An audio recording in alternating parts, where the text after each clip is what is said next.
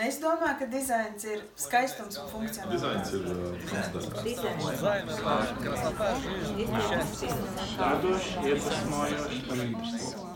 Dizains ir es. Okay, hello everyone. We are uh, live and uh, this is the final interview uh, we're having in part of Latvian National Design Award when we interview and talk with the jury members of this year's Latvian National Design Award. And uh, today, um, it's my it's my privilege to talk with Piotr Swiatek from uh, originally from Poland, but you're now, as I understand, uh, living in UK. So uh, hello, Piotr, and, and welcome to this interview series. Hello, everyone. Or shall I say it's fakey? Fakey, exactly, exactly. And uh, Piotr, you uh, have a very interesting career. You actually started and studied and graduated finance and accounting from Krakow University uh, before you got a master's degree in cultural management. And then you even went on and uh, completed the advanced service design course in Central St. Martin's University. And uh, you worked uh, in very interesting projects and uh, you worked with design interventions in local and regional councils including actually Latvian government uh, as well. So you, your work has contributed in uh, development of Latvian design policies. And uh, your projects are developing design-driven innovation policies. And, and what got me most interested was actually that you worked with design-based approaches in political decision-making and, and, circular economy. And those are very interesting uh, fields uh, that still carry the name of design, but are very different from what most people would assume when they think about design and they think maybe colors and logos and packaging and maybe user interfaces and the topics you touch when you work with design are something completely different and i think it's a it will be a very interesting conversation and i'm very excited about that. But first uh, let me ask you uh, you started with uh, economics and finance and accounting and what motivated you to move to cultural management and then eventually to design management and design in, in general? Yes thank you for that introduction. Uh, i i feel really lucky that that my career went went on to to work on all those exciting uh, projects that that you mentioned. Um, with my interest in design, I think it's uh, it's it's a story of um, really my my passion and, and admiration for design since since I can remember. I've always liked to be surrounded by well designed things, by beautiful things, and um, so I think I have this innate admiration of of good design and um, during my studies, um, purely economic studies, I, I, I, started to get engaged in my free time in um, various design initiatives like design festivals, events. I, I started get really interested in that in that subject and um, so I, I started thinking how to combine my my economic background with uh, with my passion for design, and that's when I came across the concept of design management. And um, design management is very much about the process, about how to use design effectively in a company um, for uh, for operational uh, activities such as choosing logos and colors, but also how to progress progress design further to to uh, to incorporate it in in an organizational processes or implementing design strategies in in company. Um, so the more I learned about design approach and and the fact that it's not about how things look. It's about functionality. It's about the process. Um, I, I got more and more interested um, into how how to use design approach in other disciplines, how to promote it, how I thought, yeah, it's such a great, great, um, great method, great process that it should really be um, promoted in other spheres of life. Um, and at the time, uh, there wasn't really much on in the educational offer in Poland in regards to design management or uh, service design. I think was not heard of at the time in Poland, uh, but I was really lucky to to find um, an open-minded professors in in Krakow in my alma mater who who wanted to explore this subject with me and that's how I get on that journey with with design policy. Can you, uh, in simple terms, explain what uh, what is strategy design? How the, what, do you do with strategy design? You said that it's a process, but what does it what does that process look like, or how could you explain that to somebody who's maybe designer in different fields, or maybe not designer at all? Um, I think that there are two things that, uh, here. Uh, one thing is design strategy. So a company can write a strategic document in, in a way how, um, how they want to use design uh, to promote their companies to use it for competitiveness. And the other thing is design for strategy.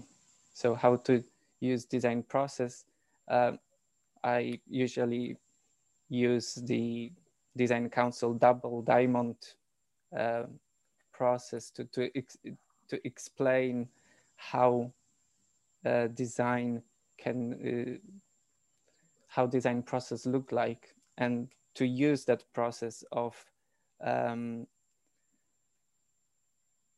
dis discovering, defining, developing and delivering uh, to to um, to developing strategies. Piotr, you were working also on a Polish design manifestation.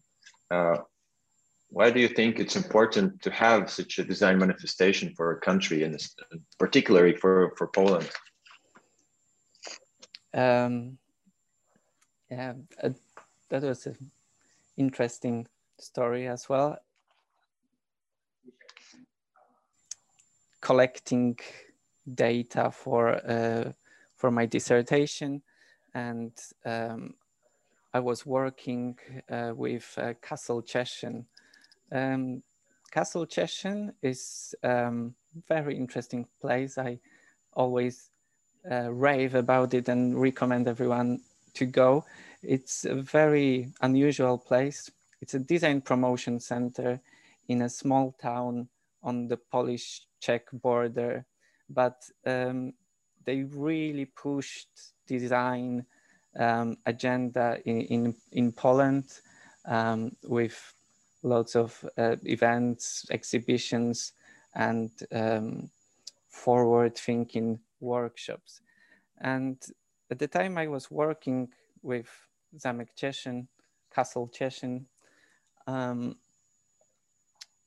they were part of a European project um, that was focusing on design promotion and design support. So how to make best um, best conditions in a country for design sector to grow and to to contribute to to, to other sectors of the economy.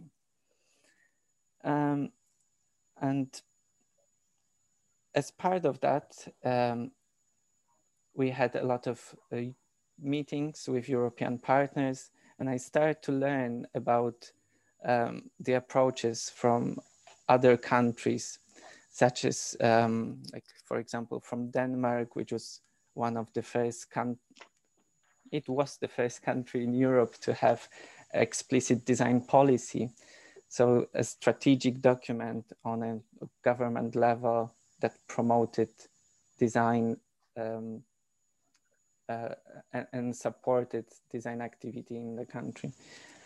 Um, it was also around 2013, if I remember correctly. Um, 2013, in 2013, European Commission published its um, action plan for design. And in this action plan, among all other um, priorities, one of, one of the action was to encourage all European countries and regions to develop um, a strategic approach to design promotion, be that design action plan, design policy, design strategy, call it whatever you like. Um, and because Castle Cieszyn is an important, but uh, at the same time, not on a governmental policy level, we couldn't write a, a design policy. So that's why we, we wrote design manifesto calling, calling policymakers to, to, ad, to adopt design strategy for Poland. And um, it was very well received uh, initiative. We got support from ministries, from, from also po uh, policymakers, from uh, the design um, sector in Poland. And then uh, elements of, of, of design support have been implemented um, in, in, in policies in Poland. Currently uh, Latvian uh, design strategy for 2021 to 2027 is being developed. And what would be uh, your views and your suggestions? What do you think should be important to take account when developing this strategy for the next period for a country like Latvia? Um, I always quote Latvia as a great example of, of, of design policy. Um, I remember a few years ago um, when we met with um, Dzintra Purvina from, from the Ministry of Culture, with Lilita Sparāne, and I was really admiring their, their passion to, to make this happen and, um, and to implement design policy in, in Latvia. And the design of Latvia 2020 strategy is, is very ambitious and, and forward thinking uh, document that was actually developed based on the approach um, approach to developing design policy created by my colleague, Dr. Anna Whicher, um, which is taking an ecosystem approach to, to developing design policy. And um, being so much invested in, in what's, what's happening in, in design sphere in Latvia, um, I see that many things have been achieved. Um, you um, like there is there is a, um, there is design policy lab in the government um, that there is um, like by our work with um, LIA Latvian agency. Investment yeah. Investment um, agency uh, that there is design support. They they are handing out design vouchers to companies.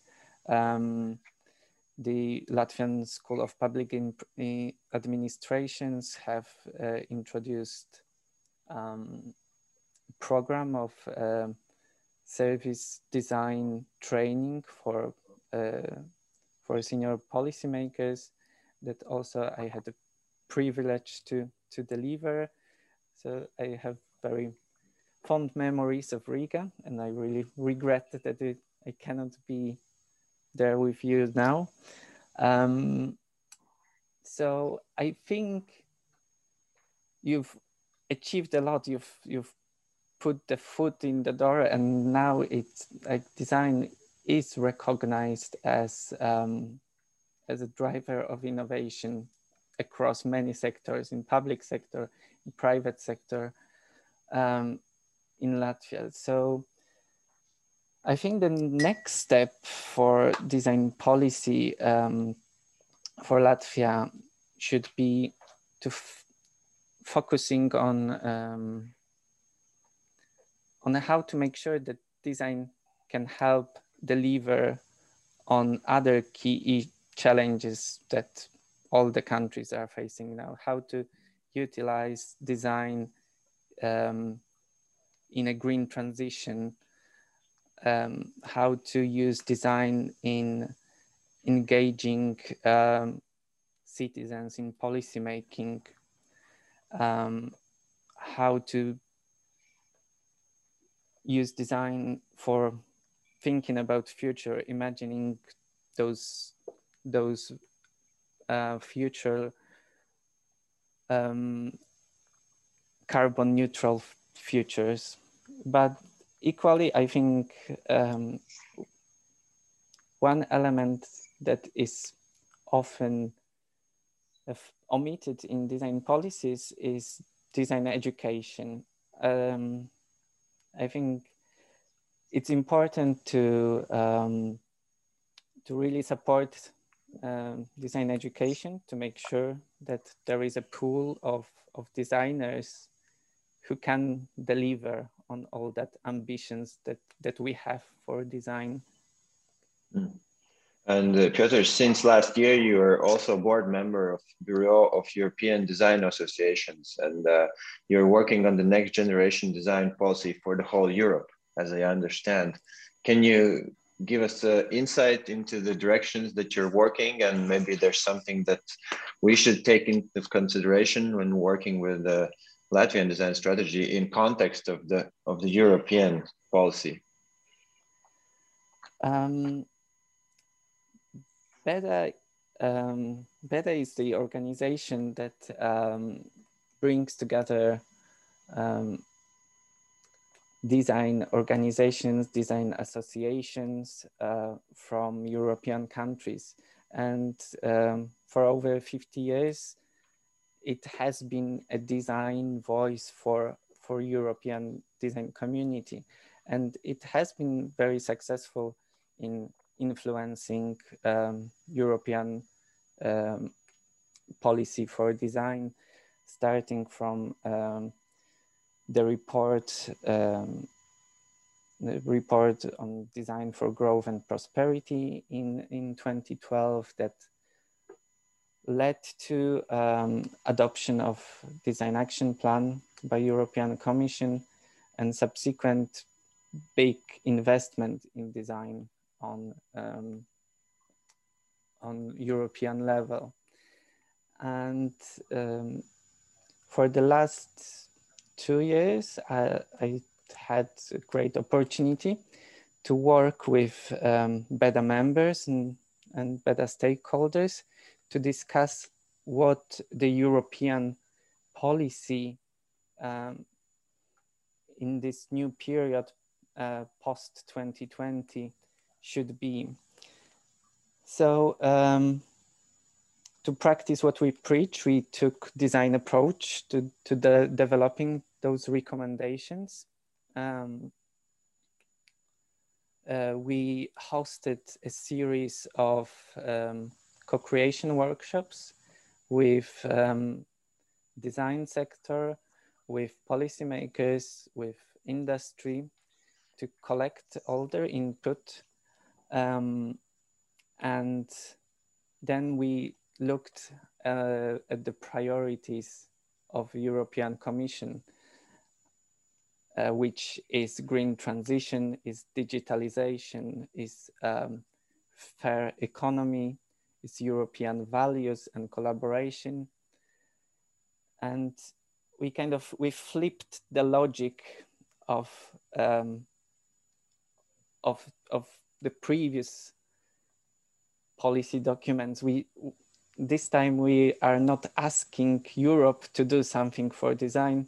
We are telling them what design can do to help achieve those uh, those strategic goals, because design has a massive role to play in green transition.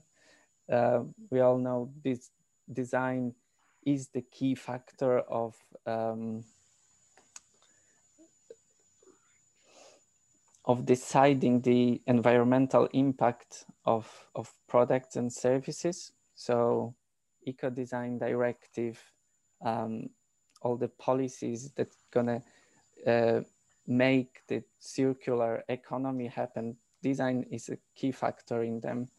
Um, then digitalization, again, um, design is that humanizing factor for digital technologies and um, it's going to be crucial in, in in the effort to to to make our economies digital and the same with with the european values um, design as an inclusive uh, co-creative approach um, can really bring people together and build build consensus and facilitate uh, discussions on, on key, key issues.